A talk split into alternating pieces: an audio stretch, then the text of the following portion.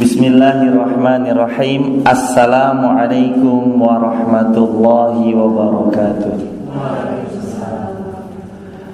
Alhamdulillah Wassalatu wassalamu ala rasulillah Wa ala alihi wa sahbihi wa mawalah amma ba'd Segala puji hanya milik Allah Salawat bertangkaikan salam kepada baginda Nabi besar Muhammad Sallallahu alaihi wasallam Baik Mas Irfan mau tanya Zakat emas berapa gram?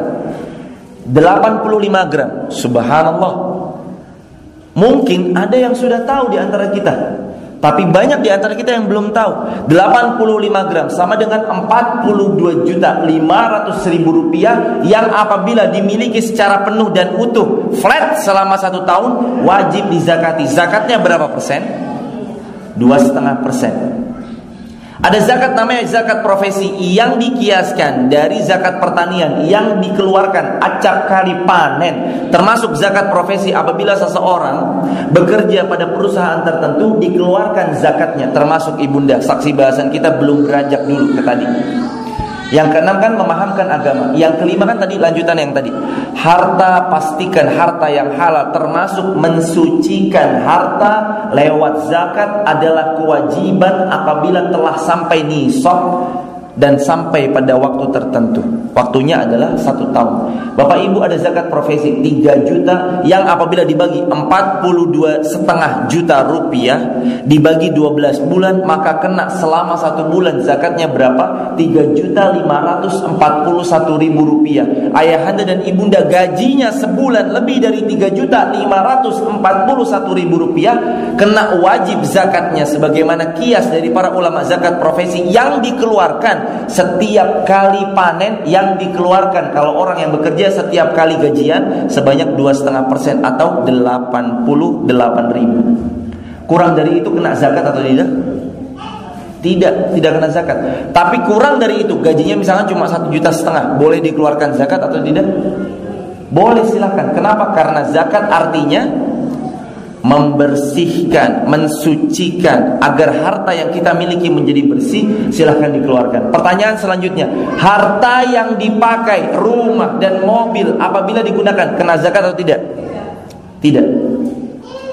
Kalau rumah punya 2 miliar, ada di Sudagaran rumah harga 2 miliar, disewa per tahunnya 100 juta, kena zakat atau tidak? Kena. Yang dizakatkan rumah plus 100 jutanya atau 100 jutanya saja? Rumah plus 100 jutanya atau 100 juta uang sewanya saja? 100 jutanya saja yang dizakatkan. Para ulama ada yang menyebutkan takjiluz zakat, di zakat di muka.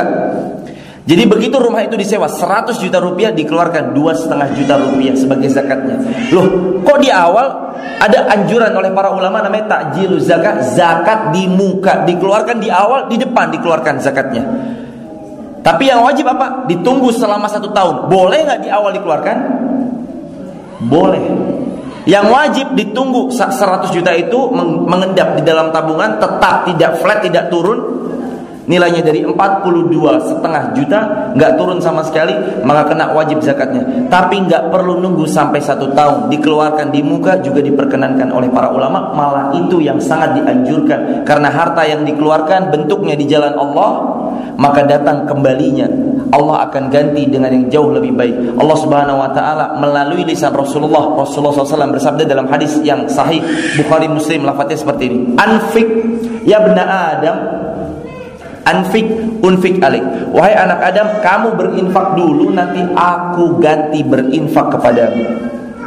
Dalam hadis lain Rasulullah Sallallahu Alaihi Wasallam bersabda, tidak akan berkurang harta yang kau keluarkan kecuali baliazdat, baliazdat, baliazdat, kecuali pasti bertambah, bertambah, bertambah.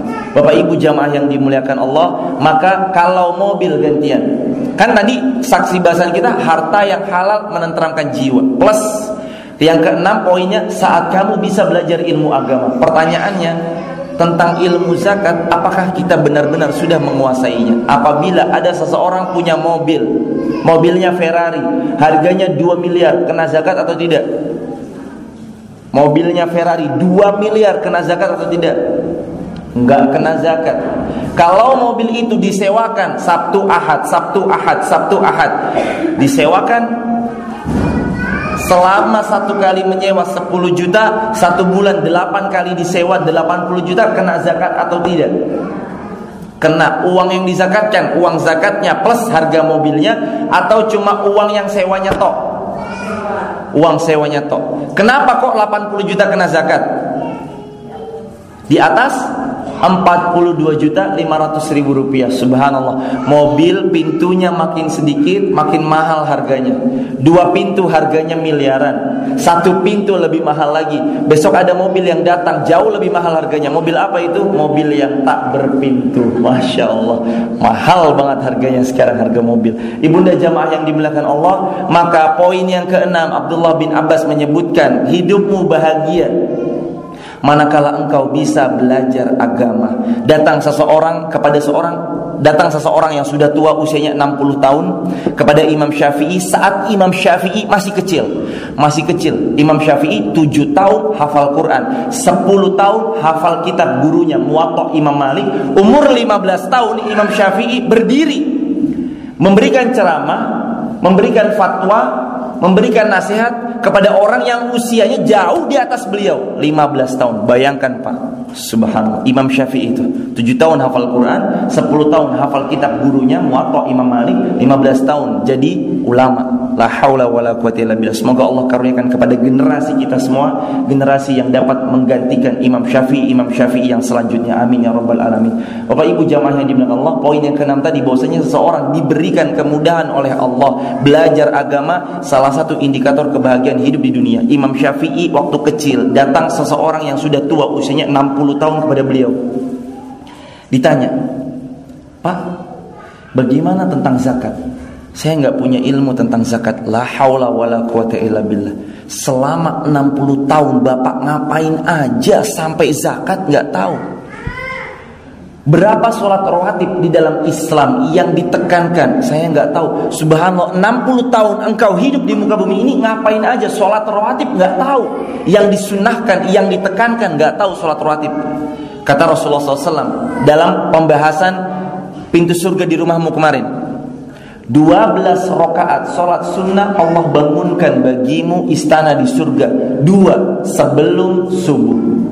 Qobla fajar Man al fajri khairum minat dunya wa ma kata Rasulullah SAW. Dua rakaat solat sunnah sebelum solat subuh lebih baik daripada dunia dan seisinya.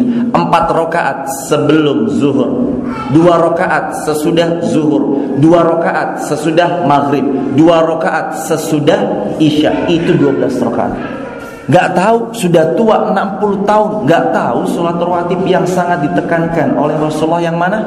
Astagfirullahaladzim Ngapain aja selama ini berarti Bapak ibu jamaah yang dimuliakan Allah Maka umat Islam tatkala hidup di atas agamanya Allah akan bimbing beliau menuju kebahagiaan hidup di dunia Sampai di akhirat Tapi ketika beliau hidup nggak di atas agamanya Es pokoknya terserah saya lah Hidup suka-suka saya. Silahkan bersenang-senang tapi besok tanggung jawab di akhirat di hadapan Allah Jalla Jalla. Maka poin yang keenam Abdullah bin Abbas memberikan ketentuan hidupmu bahagia manakala engkau meluangkan waktumu untuk belajar agama. Ibunda ayahanda yang dimuliakan Allah agendakan agendakan setap maaf sebulan sekali agendakan untuk ngaji sama siapa pun gurunya di mana pun tempatnya. Yang penting agendakan sebulan sekali keluarga ayo mah ayo anak-anakku ayo sayang kita ngaji. Bismillah berangkat Hantarkan, kenalkan putra-putri Anda untuk belajar. Ada seorang anak kecil, videonya baru viral di media sosial. Beliau nangis-nangis kalau sehari nggak dengerin ceramah Ustadz Adi Hidayat atau Ustadz Abdul Somad. Bayangin Pak, ada anak kecil usianya 6 tahun nggak dengerin ceramah Ustadz Abdul Somad atau nggak dengerin ceramah Ustadz Adi Hidayat atau Ustadz-Ustadz yang lainnya, Ustadz Khalid atau Ustadz Syafiq dan seterusnya, nggak dengerin ceramah beliau nangis, bayangin. 6 tahun Anak kita sekarang di posisi mana? Apakah ada di posisi yang kalau dia nggak dengerin musik dia nangis, ah musiknya sini sini sini sini. Atau ketika handphonenya dicabut, udah udah sini, nggak boleh main game. Ah mengamuk, banting subhanallah. Apakah anak kita yang kalau handphonenya dicabut, gamenya diberhentikan dari permainannya, dia yang menangis, ataukah dia menangis gara-gara nggak bisa dengerin Quran, nggak bisa dengerin ceramah ustadz-ustadz di YouTube dan seterusnya? Bayangin tuh. Subhanallah. Ada anak 6 tahun nangis Gak bisa tidur sebelum dengerin ceramah lewat YouTube. Subhanallah sekarang ilmu dibuka luas oleh Allah Jalla Jalaluhu. Siapa yang mau belajar pasti pintar dan gak mungkin gak dapat ilmu. Bapak ibu sambil masak, bapak ibu sambil nyetir. Bayangkan nyetir mobil pun denger ceramah masuk ilmu ke dalam kepala kita. Pasti ada ilmu satu atau dua ilmu yang kita dapatkan. Bayangkan ada orang-orang masih kecil nangis belum nggak mau tidur kalau nggak sambil dengerin ceramah. Bayangkan bapak ibu jamaah yang dimuliakan Allah mau belajar sekarang bisa tapi pertanyaan Mas Irfan pertanyaan saya dan kepada diri saya renungan juga untuk diri saya.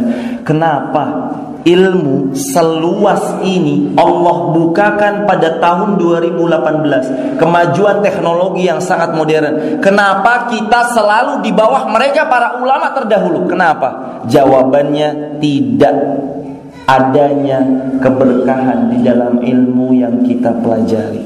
Maka kitab-kitab para ulama orangnya sudah wafat Imam Nawawi Az-Zahabi Imam Bukhari, Imam Muslim, orang yang udah nggak ada, kitabnya selalu menjadi rujukan orang tercerdas di muka bumi saat ini. Ayahanda dan ibunda yang dimuliakan, orang dulu ada sahabat Rasulullah Wasallam namanya Jabir bin Abdullah.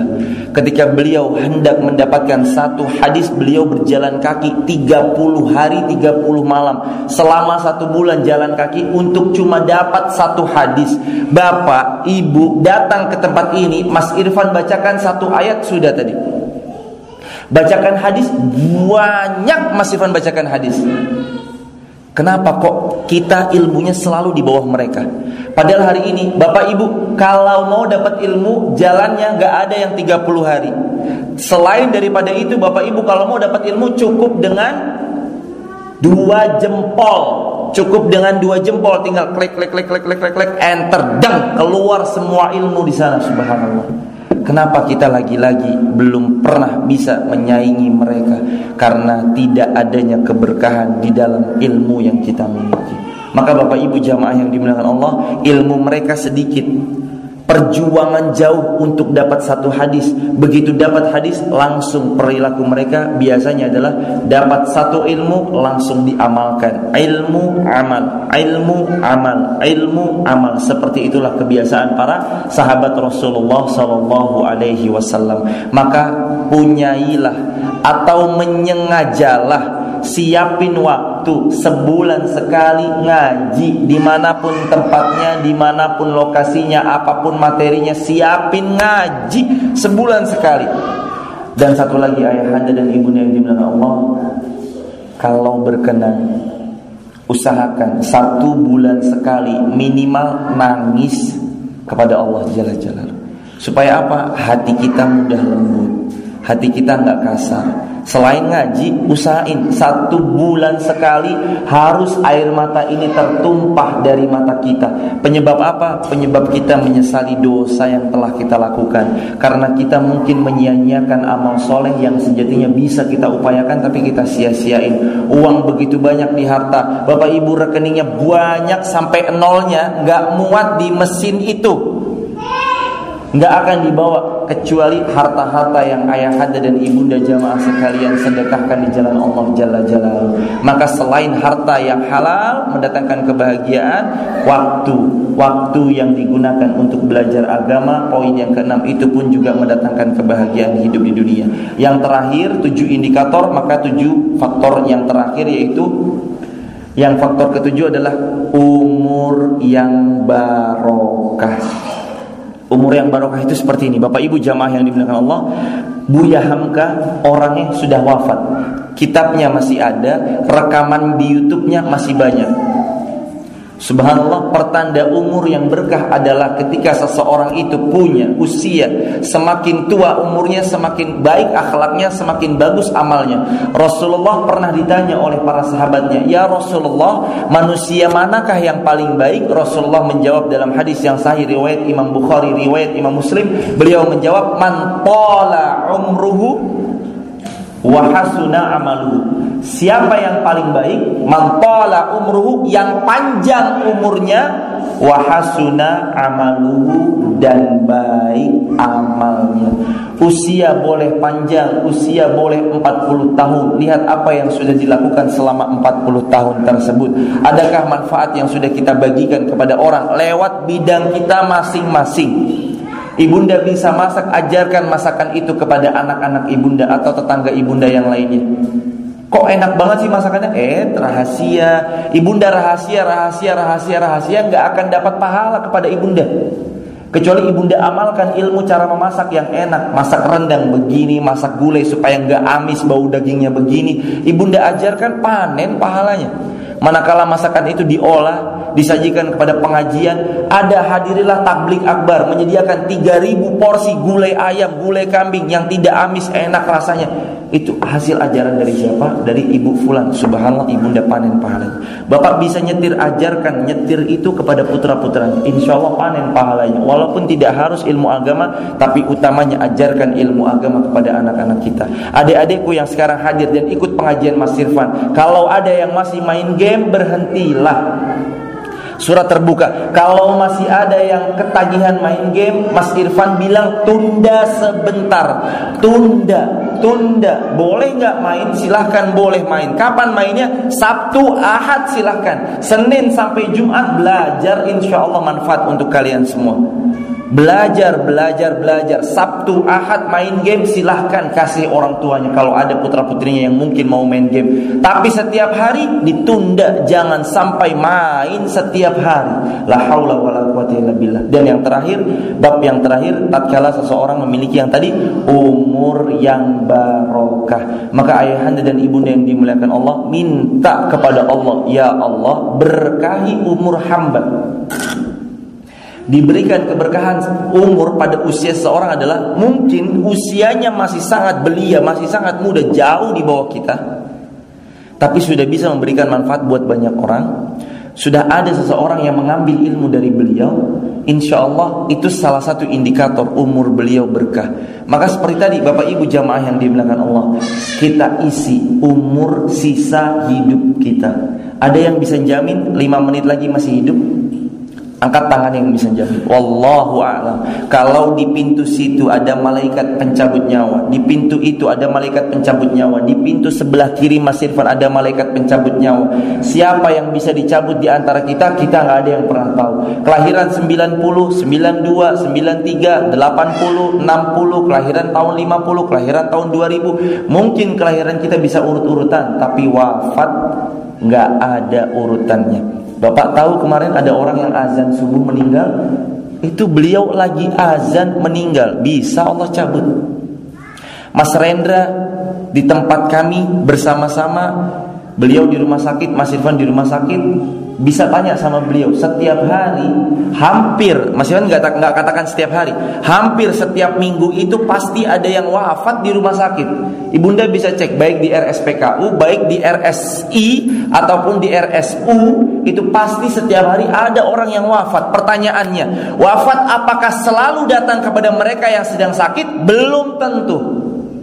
Bisa jadi kepada orang yang bekerja di sana bisa jadi wafat itu datang kepada beliau jadi nggak jaminan, nggak harus sakit untuk bisa wafat, nggak harus nunggu tua untuk bisa wafat, dan nggak harus nunggu kecelakaan atau dimakan atau kebakaran untuk bisa wafat atau tenggelam. Akan tetapi wafat bisa datang kapan pun, sebagaimana Allah Jalla Jalaluhu berpesan di Quran surah 3 Ali Imran ayat 185 bunyinya seperti ini. Kullu nafsin dha'iqatul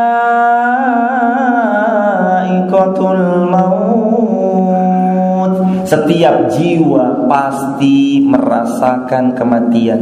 Orang akan meninggal di tempat biasa. Beliau melakukan aktivitas. Seseorang petinju banyak yang wafat di atas ring tinjunya.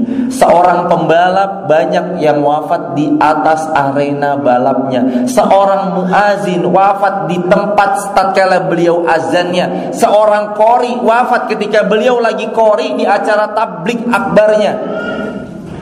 A'udzu billahi minasy syaithanir rajim.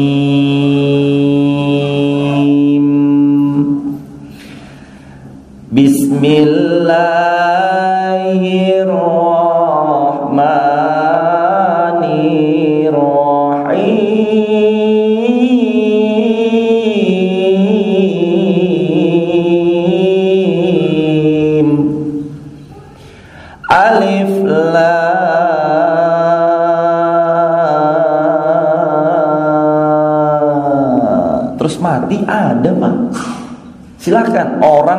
Kori www.youtube.com Kori meninggal tatkala membaca kori di tablik akbar. Enter. Mat meninggal beliau. Ada Seorang lagi azan subuh meninggal. Enter. Keluar nanti ada Pemain Smackdown meninggal enter keluar ada. Petinju meninggal di atas ring enter keluar ada. Pemain bola wafat di atas arena bolanya, sepak bolanya enter ada. Pembalap motor meninggal di arena balapnya ada. Pembalap mobil meninggal di arena balapnya ada. Ada semua. Seseorang diwafatkan di tempat biasa beliau melakukan kebiasaannya. Seseorang itu kebiasaannya apa? Bapak pernah dengar ada seorang ulama yang wafat ketika membaca Quran, subhanallah ada. Lagi baca Quran, setiap hari lagi baca Quran. Dikisahkan ada namanya Ustadz Armen Halim Naro. Ustadz Armen Halim Naro, www.youtube.com dengar kajiannya indah, sangat bagus, sangat enak. Apalagi yang judulnya Untukmu yang berjiwa hanif Ustadz Armen Halim Naro Subhanallah kajian yang sangat dahsyat Kalau dikaji dan ibunda dengarkan sekalian Beliau dikisahkan di usia yang sangat muda. Wafat habis sholat subuh lagi baca kitab wafat ketika lagi baca kitabnya. Subhanallah. Lagi belajar wafat.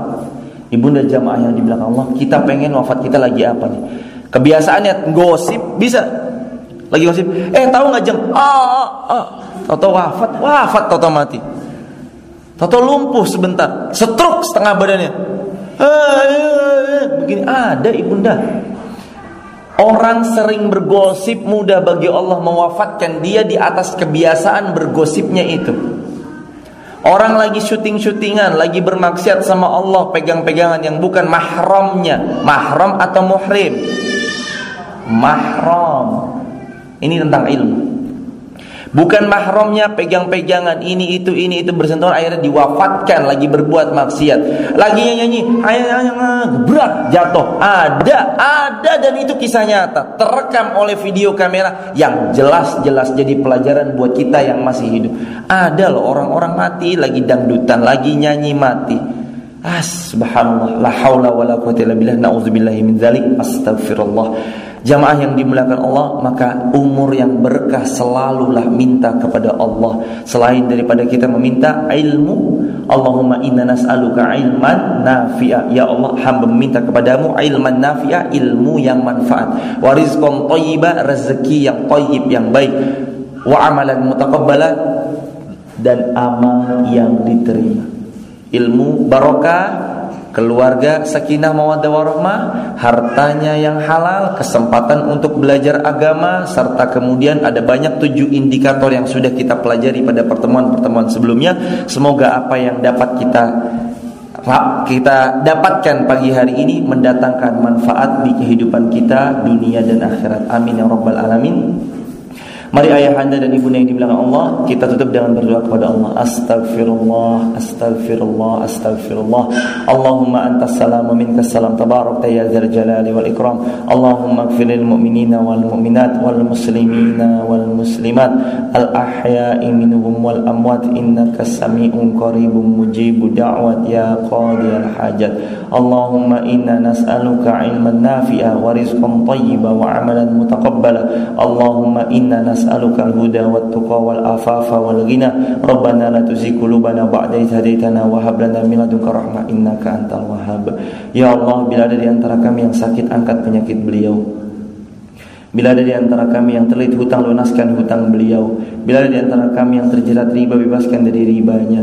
Bila ada di antara kami yang mempunyai hajat kabulkan hajat beliau ya arhamar rahimin. Wahai Engkau Zat yang Maha memudahkan bila ada di antara kami yang belum menikah mudahkan untuk segera menikah. Bila ada di antara kami mungkin sudah menikah lama karuniakan segera ya Allah seorang keturunan yang saleh saleh untuk beliau. Bila ada di antara kami yang mungkin pernah menikah kemudian berpisah berganti dengan pasangan yang jauh lebih baik, jauh lebih soleh, jauh lebih solehah ya Allah. Bila di antara kami ya Allah ada ibunda umat muslim yang sedang mengandung, mudahkanlah persalinan beliau ya Allah. Jadikan putra-putri yang dikandungnya putra-putri yang saleh salihah. Ya Allah, kepadamu kami meminta, kepadamu kami berharap ya Allah. Kami ini lemah, kami ini hina ya Allah. Kuatkan kami ya Allah. Muliakanlah kami ya Allah karena ilmu, karena iman dan karena ketakwaan kepadamu ya Allah. Wahai engkau zat yang maha mensakinahkan keluarga, jadikanlah keluarga kami sakinah, mawaddah warahmah yang satu sama lain saling berlomba-lomba dalam kebaikan, saling satu sama lain menasih dalam ketaatan kepadamu ya Allah. Yang kau amanahi, kau titipi pada kami putra-putri yang soleh solehah, putra-putri yang hafal Quran dengan baik 30 juz, hafal hadis dengan baik ya Allah serta mereka menjadi anak-anak yang berbakti bagi nusa dan bangsa dan umat Islam. Ya Allah, engkau zat pemilik Mekah Madinah Bila ada di antara kami yang belum umrah mudahkan untuk umrah. Bila ada di antara kami yang belum pergi haji mudahkan untuk segera pergi haji ya Allah dan jadikan ya Allah yang sudah pernah haji yang sudah pernah umrah jadikan hajinya haji mabrur ya Allah haji yang engkau terima. Ya Allah engkau zat menggenggam jiwa nyawa kami berada dalam genggamanmu ya Allah yang dapat kau cabut kapan pun engkau mau. Wafatkanlah kami di tempat yang baik dalam kondisi yang baik. Wafatkan kami dalam keadaan bebas hutang. Wafatkan kami dalam keadaan bebas riba. Wafatkan kami dalam keadaan mati syahid dan wafatkan kami ya Allah dalam keadaan husnul khatimah. Rabbana atina fid dunya hasanah wa fil akhirati hasanah wa qina adzabannar. Alhamdulillahi rabbil alamin. Ayahanda dan ibunda yang dimuliakan Allah Kesimpulannya tujuh indikator dari Abdullah bin Abbas Semoga kita termasuk yang sedang mengupayakan tujuh indikator itu hadir di dalam kehidupan kita sekeluarga. Amin ya robbal alamin. Kalau ada yang merekam rekamannya silahkan disebarkan, ada yang audio audionya silahkan sebarkan, ada yang mencatat catatannya silahkan disebarkan. Semoga menjadi catatan amal kebaikan dan amal jariah yang pahalanya terus mengalir sampai hari kiamat. Kita akhiri dengan doa kafaratul majlis. Subhanakallahumma wa bihamdika asyhadu an la ilaha illa anta astaghfiruka wa atubu ilaik. Salam untuk keluarga di rumah. Wassalamualaikum warahmatullahi wabarakatuh. Bismillahirrahmanirrahim. Assalamualaikum warahmatullahi wabarakatuh. Alhamdulillah wassalatu wassalamu ala rasulillah wa ala alihi wa sahbihi wa mawalah. Amma ba'd. Segala puji hanya milik Allah Salawat bertangkaikan salam kepada baginda Nabi besar Muhammad Sallallahu alaihi wasallam. Baik Jamaah yang dimuliakan Allah Kita akan lanjutkan bahasan kita Tentang yang kemarin Tujuh indikator kebahagiaan hidup di dunia Berdasarkan Kalimat terindah dari sahabat Rasulullah Yang bernama Abdullah bin Abbas.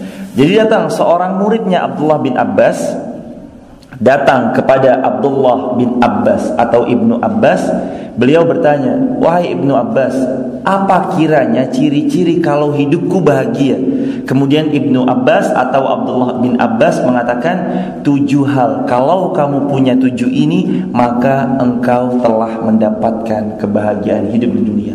Empatnya sudah disampaikan pada pertemuan di minggu yang lalu. Insya Allah tiganya akan kita genapkan pada pertemuan pagi hari ini. Insya Allah. Rabbi zidna ilma warzuqna fahma. Rabbi srahli sadri wa yassir li amri wahlul 'uqdatam min lisani yafqahu qawli. Wahai Allah, karuniakan kepada kami ilmu dan pemahaman yang baik tentang ilmu agama ini ya Allah. Amin ya rabbal alamin.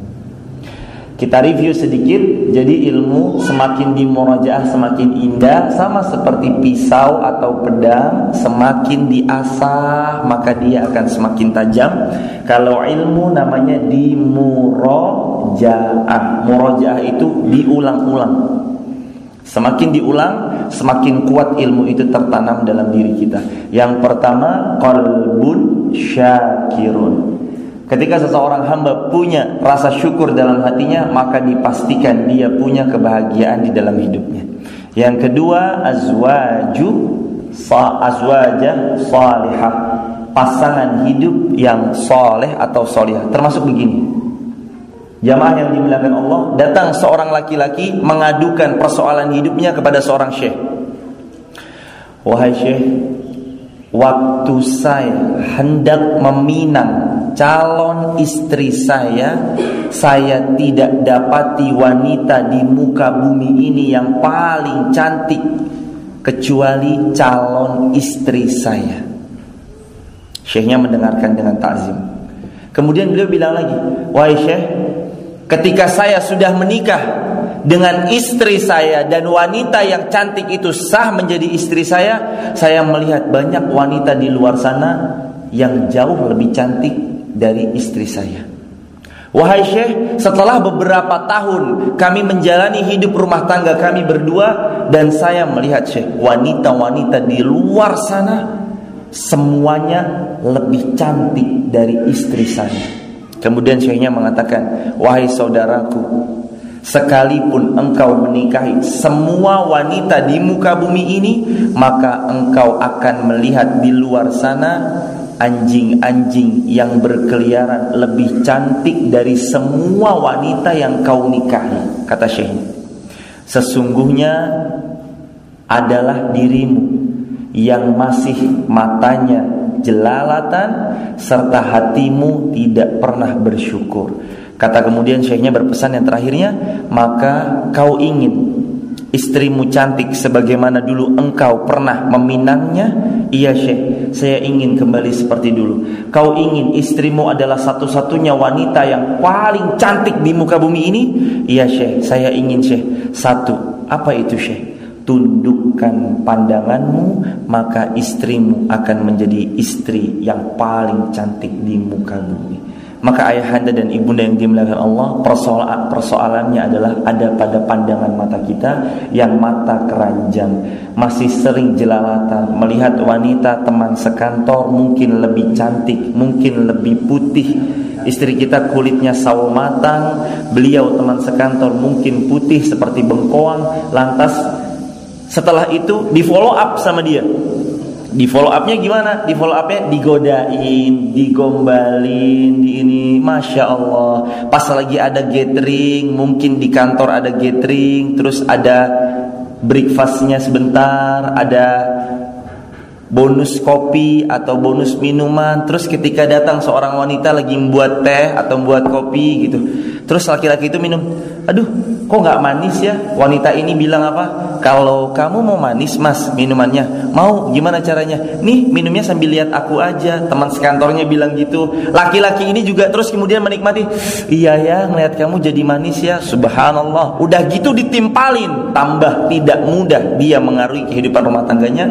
Dia pasti akan melihat wanita di sana di luar daripada istrinya. Jauh lebih cantik. Kenapa? Dianya sendiri yang menjadikan dirinya mata keranjang yang mudah menggombali orang lain termasuk teman satu kantornya maupun teman sepekerjaannya. Nauzubillahi. Semoga Allah lindungi kita dari hal-hal yang demikian. Selanjutnya yang kedua, yang tadi yang kedua, pasangan yang soleh ataupun salihah. Yang ketiga, kalau engkau memiliki kebahagiaan hidup, kata Abdullah bin Abbas yang ketiga salah satu tandanya adalah engkau memiliki al-auladun al-auladul abrar. Engkau memiliki anak-anak yang abrar yang berbakti kepadamu. Sudah kita sampaikan pembahasannya pada pertemuan yang lalu Auladul Abror Anak-anak yang menyejukkan bila dipandang Sebagaimana Allah Jalla Jalalu berfirman di dalam Al-Quran Rabbana hablana min azwajina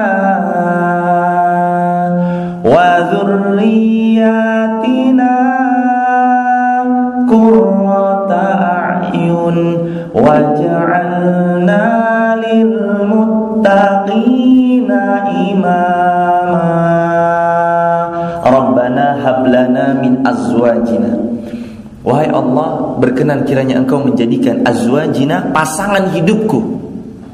Laki-laki yang perempuan-perempuan ya suaminya wa dzurriyyatina dan zuriat itu anak keturunanku qurrata a'yun sebagai penyejuk bila mata ini memandangnya. Jadi anak-anak kita tuh melakukan perbuatan-perbuatan yang menyejukkan bila dipandang. Enggak yang dikit-dikit astagfirullahaladzim Tok tok tok Assalamualaikum. Selamat siang pak. Kami dari kepolisian. Maaf ini benar putra bapak? Iya benar putra. Mari ikut kantor polisi. Ya Allah ngapain lagi ini? Ternyata terlibat kasus narkoba Terlibat tawuran Na'udzubillahi min Perlakuan atau sikap-sikap mereka Sikap-sikap yang enggak mendatangkan kebaikan di dalam hidupnya. Atau enggak menyejukkan pandangan matanya. Maka kita minta sama Allah, Rabbana hablana azwajina wa dzurriyyatina qurrata a'yun. Bahwasanya menyejuk pandangan mata. Waj'alna lil muttaqina imama dan jadikan mereka itu semua menjadi imamnya orang-orang yang bertakwa sama Allah. Poin yang keempat selanjutnya adalah ketika seseorang itu memiliki keindahan dalam hidupnya, kebahagiaan dalam hidupnya, dia punya al-bai'atus salihah. Bayatus salihah itu beliau mempunyai lingkungan yang kondusif untuk imannya. Karena depannya dia selalu mengajak untuk sholat kepada Allah. Kanannya mengajak untuk berbuat kebaikan. Kirinya untuk selalu mendawamkan Al-Quran. Belakangnya juga mengajak kebaikan. Seperti itulah ayah anda dan ibunda yang dimuliakan Allah. Rumah-rumah yang sangat diidamkan. Konsepnya kemarin apa dalam Islam? Al-jar Qobla. Ajar Qobla dar Pilih tetangga dulu sebelum pilih maaf, pilih tetangga dulu sebelum engkau memilih rumah benar. Ajar qobladar. Ajar tetangga dulu qobla sebelum ada rumah yang kau tempati. Maka dalam Islam terkenal konsep yang sangat indah sebelum kau memilih rumah untuk tempat tinggalmu, maka pastikan tetangga-tetanggamu adalah tetangga-tetangga yang menghantar kehidupanmu pada surganya Allah, saling berlomba-lomba dalam kebaikan. Karena tetangga punya efek yang besar. Bapak, ibu, jamaah yang dimuliakan Allah, satu orang tinggal di lingkungan para perampok, para pelaku maksiat. Tiap malam di sana judi, tiap malam di sana minum minuman keras, maka tidak akan datang ketenangan di dalam hidupnya, melainkan pasti dia terus gelisah. Yang lebih parahnya apa? Bisa jadi dia ikut-ikutan. Pertama disuruh kok, eh pak sini kok nggak pernah kelihatan, ayo duduk dulu. Disuruh duduk ke tempat ron, ke tempat pos kamling tersebut. Nih apa, ayo main dulu. Akhirnya mereka malah ketularan. Kenapa? Lingkungannya tidak kondusif untuk iman kita. Yang ter yang selanjutnya Poin yang kelima, ini jadi saksi bahasan kita. Kalau yang tadi empat poin di atas kita murojaah, murojaah kita ulang-ulang sebentar, kita review. Selanjutnya kelima, harta yang halal.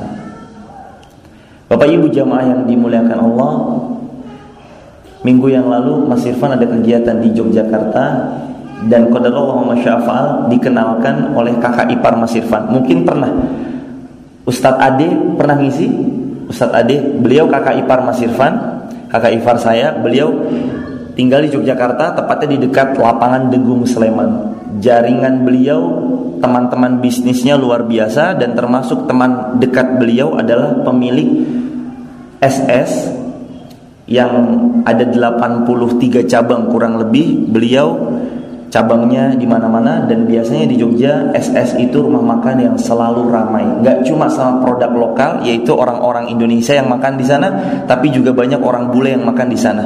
Ibunda dikisahkan oleh beliau. Ini berbicara tentang harta yang harta yang ya harta yang halal tadi mendatangkan kebahagiaan. Beliau berkisah ketika saya mengaji sama salah satu ustadz dan saya mengerti bahaya tentang riba di dalam harta dan kehidupan manusia lantas seketika saya tinggalkan termasuk ada 180 tabungan beliau di salah satu bank yang kemudian beliau mengatakan kepada bank tersebut mbak tolong dihapus dienolkan Kan sifatnya tabungan deposit yang apabila jumlahnya banyak ada dapat bunga masuk ke dalam tabungan dia. Dia mengatakan kepada bank tersebut, "Mbak, tolong dienolkan." tabungan saya tolong dienolkan. Beliau bilang apa? Oh, nggak bisa ini sistem. Ya udah, kalau nggak bisa, saya cabut tabungan saya ini. Oh, tabungannya miliaran. Saya cabut tabungan saya, saya mau cari bank lain yang boleh, nggak ada ribanya, yang nol gitu. Oh sebentar sebentar pak, bisa nggak? Tapi ini udah sistem pak.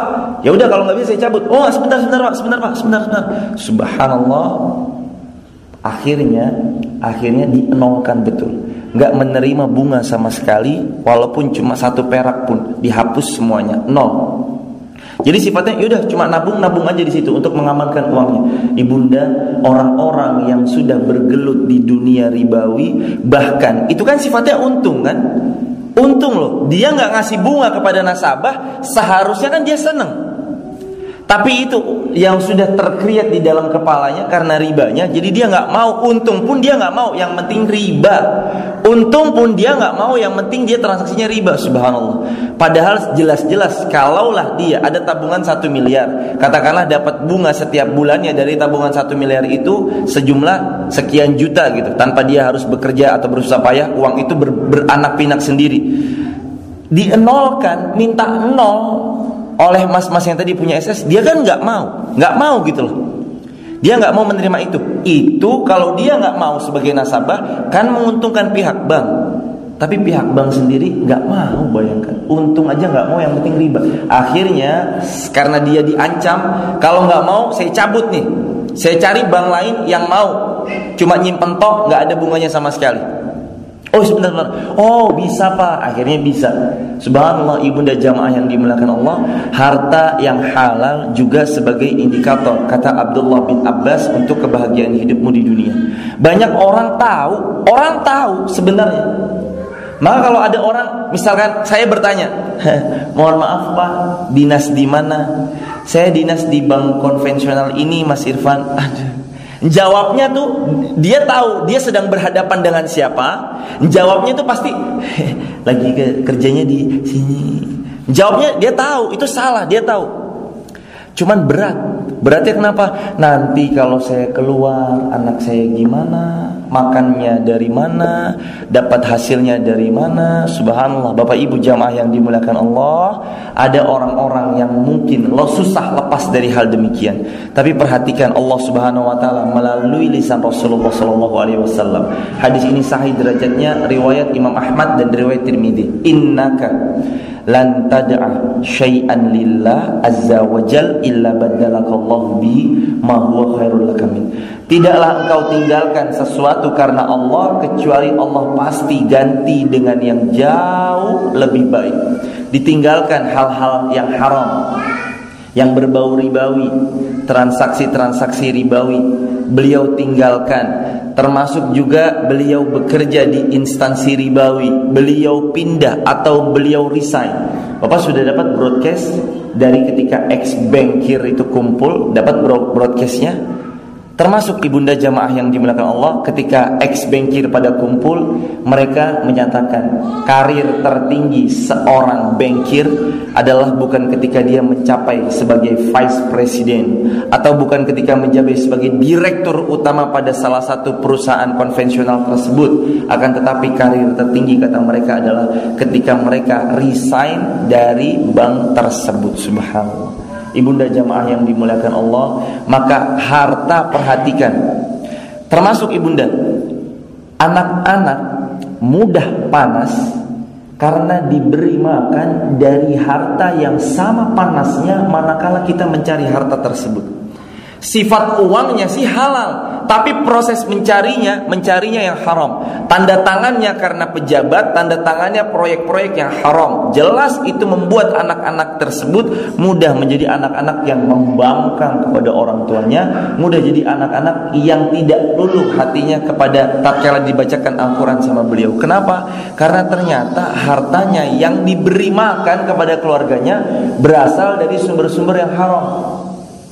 Sekarang gimana? Kalau saya dulu pernah membeli mobil, prosesnya leasing ke bank. Lantas kemudian bagaimana mobil saya? Apakah mobil itu termasuk yang haram atau yang halal? Sifat mobilnya halal. Sama seperti Bapak Ibu meminjam uang ke bank 100 juta yang harus mengembalikan kepada bank tersebut 150 juta, 100 juta yang Bapak Ibu terima itu halal. Bapak ibu beli rumah, rumahnya halal. Bapak ibu pakai untuk biaya sekolah anak, biaya sekolahnya ya halal. Bapak ibu pakai untuk beli mobil, sifat mobilnya halal. Yang haram apanya? Akadnya. Yang haram apanya? Transaksinya. Dan bahayanya ibunda dilunasi. Lihat perhatikan orang-orang yang mungkin pernah punya pengalaman. Dicicil ya dosa, meminjam ya dosa, mau bertobat dilunasi kena penalti. Bayangkan tuh benar-benar mencekiknya seorang apa sesuatu yang yang namanya riba tersebut. Makanya banyak slogan-slogan ih ngeri banget saking ngerinya. Baik Bapak Ibu jamaah yang dimuliakan Allah, maka salah satu indikator yang kelima tentang hidup bahagia kata Abdullah bin Abbas yang kelima adalah harta yang halal. Soal halal kita semua nggak ada lah, Mas Irfan yakin kita semua nggak ada yang makan babi jelas. Kita semua nggak ada yang makan terus kemudian anjing jelas. Untuk makanan-makanan yang haram kita semua sepakat udah nggak makan. Kita menjauhi. Bahkan jelas dari lahir sampai sekarang Mas Irfan nggak pernah walaupun nyicipin pun saya nggak pernah nyicipin makanan yang haram. Untuk yang haram jelas kita nggak pernah nyentuh. Tapi untuk yang syubhat tapi untuk yang perkara-perkara yang samar-samar, kadang kita masih ah, tabrak aja, udah ayo, udah ayo, udah ayo, udah ayo untuk perkara-perkara yang samar-samar, untuk perkara-perkara yang syubhat. Menemui uang di jalan, ih ada uang nih 50 ribu, apa reaksinya? Diinjek sama dia, set. Ada yang ngelihatnya ya, habis itu diambil sama dia. Wah 50 ribu lumayan nih buat beli soto 5 hari Subhanallah Uang barang temuan silahkan diumumkan selama satu tahun Apabila telah tidak ada yang mengaku sebaiknya sebelum untuk digunakan oleh sang penemu sebaiknya mending diinfakkan ke masjid atau musola. Barang temuan loh sifatnya. Silahkan diinfakkan ke masjid atau musola. Dan itu yang lebih aman. Jadi ayahanda dan ibunda yang dimuliakan Allah harta itu bisa berpengaruh kepada kehidupan kita anak-anak yang mudah gampang emosional boleh jadi dihantarkan dari harta-harta yang haram maka seorang istri nggak apa-apa bertanya pada suaminya wahai suamiku tercinta engkau datangkan makanan ke meja ini dari mana? Oh makanan ini tadi sogokan tadi kan ada proyek dikasih ini atau diantarin parcel. Parcel isinya mewah bukan main. Ada nastar, ada sirup, ada sirup, ada biskuit plus ada handphone iPhone 8 di situ. Set. Uh, ada ya orang ngasih orangnya rela mau ngasih iPhone 8 sebagai parcel. Ternyata selidik punya selidik, dia berniat untuk melancarkan tentang perizinannya. Maka Bapak Ibu jamaah yang di belakang Allah yang punya jabatan juga perhatikan baik-baik. Jabatan amanah dari Allah. Ada kisah tentang waroknya Sufyan Ats-Tsauri. Sufyan Ats-Tsauri seorang ulama di Mekah. Sufyan Ats-Tsauri suatu ketika diminta oleh seorang khalifah untuk menjadi qadhi. Qadhi itu hakim untuk menjadi kodi dan kodi itu gajinya lebih tinggi dari gaji khalifah. Punya kereta kencana tinggal di istana yang mewah tinggal di istana yang megah semua fasilitasnya ditanggung oleh negara. Dia hanya menjadi seorang hakim. Sufyan Ats-Tsauri diminta oleh seorang khalifah untuk menjadi hakim. Beliau nggak mau karena sifat waroknya. Saya nggak mau Dikejar-kejar, dikejar sampai dipaksa-paksa Sufyan Ats-Tsauri nggak mau menjadi hakim. Qadarullah masyaallah akhirnya Sufyan Ats-Tsauri pergi keluar Mekah untuk menghindari dirinya agar tidak menjadi qadhi atau hakim. Karena dia takut kalau saya salah dalam menentukan hukum hadapan di hadapan Allah saya bertanggung jawab dengan tanggung jawab yang sangat berat. Saking takutnya beliau keluar dari Mekah Beliau keluar dari Mekah berjalan kaki selama tiga bulan, maaf, selama sekitar tiga bulan kurang lebih sampai ke kota Yaman. Di kota Yaman beliau didap, beliau dapat di salah satu ladang kurma, lantas beliau meminta izin kepada seorang yang sedang bekerja di sana, siap kepada siapa saya harus mengadu kalau saya ingin bekerja di tempat ini? Kata Sufyan Ats-Tsauri. Silakan lapor ke salah satu pemilik. Dilapor kepada pemilik, kebun tersebut lantas kemudian beliau mengatakan Sufyan Ats-Tsauri seorang ulama Bapak Ibu jamaah yang dibilang oh dulu belum ada Instagram dulu belum ada Facebook. Jadi nggak nggak tahu bahwasanya ini seorang ulama besar di Mekah muftinya Mekah. Beliau nggak tahu. Beliau taunya oh ya udah manusia biasa orang biasa sama seperti saya. Udah Wahai Bapak, saya mau bekerja di kebun kurma Anda. Perkenankan saya menjadi pegawai Anda. Silahkan. Tapi kamu saya gaji sama seperti karyawan-karyawan yang lain. Siap? Iya siap. Silahkan bekerja. Sufyan Astauri bekerja di kebun kurma tersebut selama tiga bulan. Bapak Ibu jamaah yang dibilang Allah. Selama tiga bulan. Terus kemudian setelah tiga bulan bekerja di tempat tersebut, Sufyan Astauri ditanya oleh pemilik kebun kurma tersebut. Wahai, sebelumnya kan ditanya, siapa kamu? Sufyan Ats-Tsauri menjawab, saya Abdullah. Beliau tidak berbohong. Ditanya, siapa kamu? Jawabannya, Ana Abdullah. Saya hambanya Allah. Beliau tidak berbohong. Wahai Abdullah, kemarilah. Rupanya pemilik kebun kurma ini memanggil Sufyan Ats-Tsauri, wahai Abdullah, kemarilah. Karena Sufyan Ats-Tsauri mengatakan bukan dari Mekah akan tapi dari Hijaz. Hijaz itu Mekah, Madinah, Hijaz. Wahai Abdullah, apa bedanya kurma kalian, kurma Hijaz dengan kurma kami, kurma Yaman? Sufyan Ats-Tsauri mengatakan, "Wahai pemilik kebun, saya tidak tahu Lantas pemilik kebunnya ketawa. Ha, kok kamu tiga bulan kerja di kebun kurma saya? Kamu nggak tahu beda rasanya kurma kami Yaman dengan kurma Hijaz kalian? Iya, saya tidak tahu. Wallahi saya tidak pernah memakan satu butir kurma pun dari kebun anda ini. Tercengang kaget pemilik pemilik kebun kurma tadi. Lantas dia berkata, apa kamu mau ngikutin waroknya Sufyan As-Sauri? Kata pemilik kebun kurma tersebut, Sufyan Atsauri diam. Lantas kemudian, yaudah kamu ke, kembali kerja lagi sana. Kata si pemilik kebun tadi. Pemilik kebun tadi terus bilang sama temannya, eh tahu nggak? Saya punya pegawai itu lucu banget. Masa dia mau ngikutin waroknya Sufyan Atsauri, menjaga, maksudnya menjaga kehormatan dirinya, menjaga dari harta-harta yang haram tadi. Masa dia kerja di kebun kurma saya tiga bulan? ngangkatin kurma, nurunin barang, ngantar kurma, metik kurma, panen kurma, subhanallah. Masa dia selama tiga bulan bekerja di ladang kurma belum pernah satu butir pun masuk ke dalam perutnya? Ha, subhanallah, aneh-aneh aja dia. Mau ngikutin waroknya Sufyan Asauri kali. Terus orang tadi tercengang, oh Bagaimana ciri-ciri orang disebutkan? Cirinya begini, begini, begini, begini, begini, begini. Kata temannya itu Sufyan Ats-Tsauri. Ayo cepat tangkap. Khalifah memberitahu barang siapa yang bisa menangkap Sufyan Ats-Tsauri akan diberikan satu peti emas kata Khalifah di Hijazan di Mekah. Ayo kita kejar. Itu Sufyan Ats-Tsauri.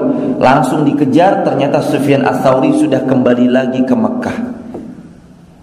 Subhanallah saking waroknya ibunda kerja tiga bulan tiga bulan di ladang kurma metik ngangkat mikul ngantarkan panen lagi subhanallah belum pernah satu butir pun masuk ke dalam perutnya subhanallah ibunda jamaah yang dimuliakan Allah setelah sesampainya di Mekah Sufyan Ats-Tsauri disambut oleh penduduk Mekah ini ulamanya nih ulamanya ulama pulang disambut semuanya kemudian sampai suatu ketika wahai Sufyan Ats-Tsauri sampaikan pada dia, harus bagi dia untuk menjadi qadhi atau hakim di sini.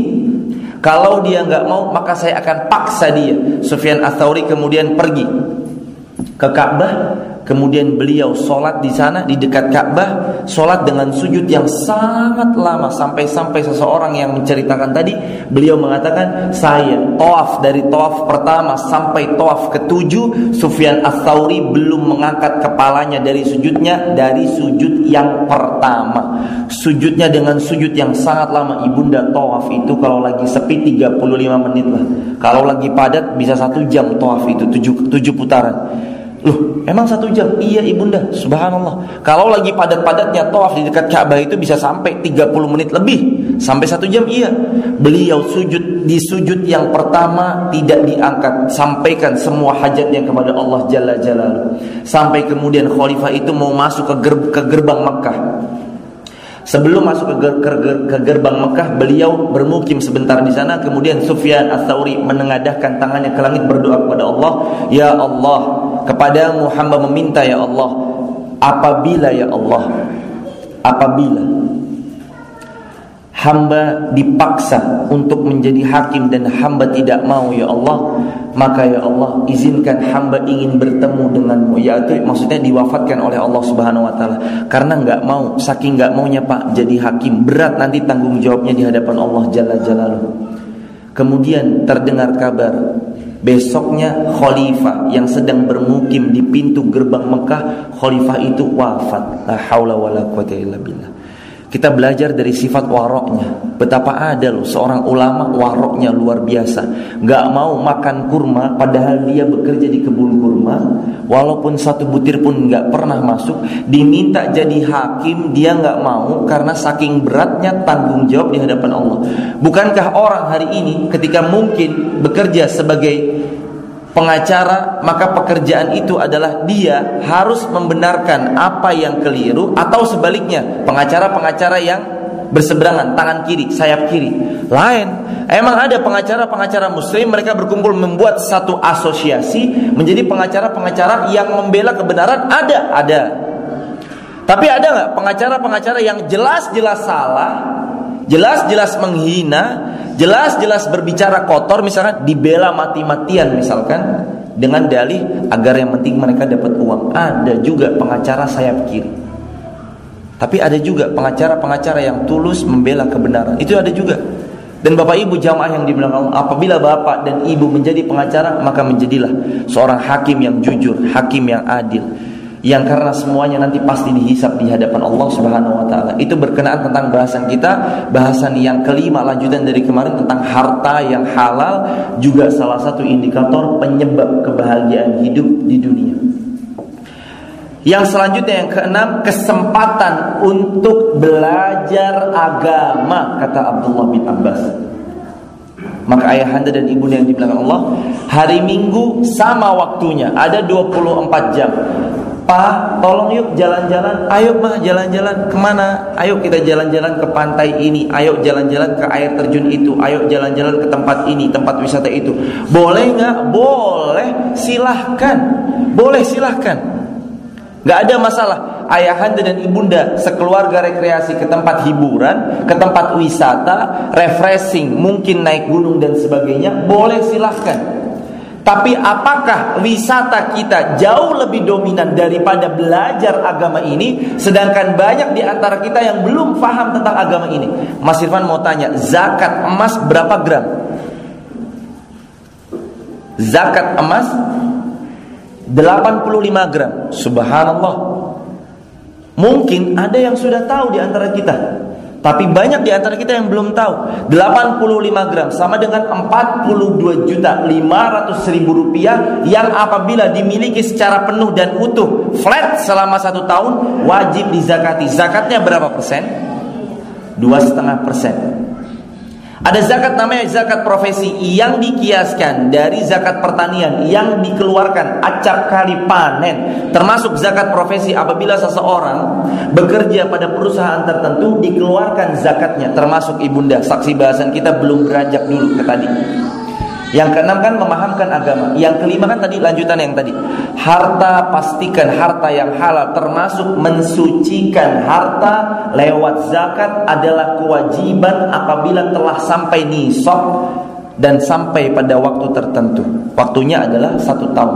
Bapak Ibu ada zakat profesi 3 juta yang apabila dibagi 42 setengah juta rupiah dibagi 12 bulan maka kena selama satu bulan zakatnya berapa? 3 juta 541 ribu rupiah. Ayahanda dan ibunda gajinya sebulan lebih dari 3 juta 541 ribu rupiah kena wajib zakatnya sebagaimana kias dari para ulama zakat profesi yang dikeluarkan setiap kali panen yang dikeluarkan. Kalau orang yang bekerja setiap kali gajian sebanyak dua setengah persen atau 88 ribu. Kurang dari itu kena zakat atau tidak? Tidak tidak kena zakat. Tapi kurang dari itu gajinya misalnya cuma satu juta setengah. Boleh dikeluarkan zakat atau tidak? Boleh silakan. Kenapa? Karena zakat artinya membersihkan, mensucikan agar harta yang kita miliki menjadi bersih, silahkan dikeluarkan. Kita akhiri dengan doa kafaratul majlis. Subhanakallahumma wa bihamdika asyhadu an la ilaha illa anta astaghfiruka wa atubu. Salam untuk keluarga di rumah. Wassalamualaikum warahmatullahi wabarakatuh.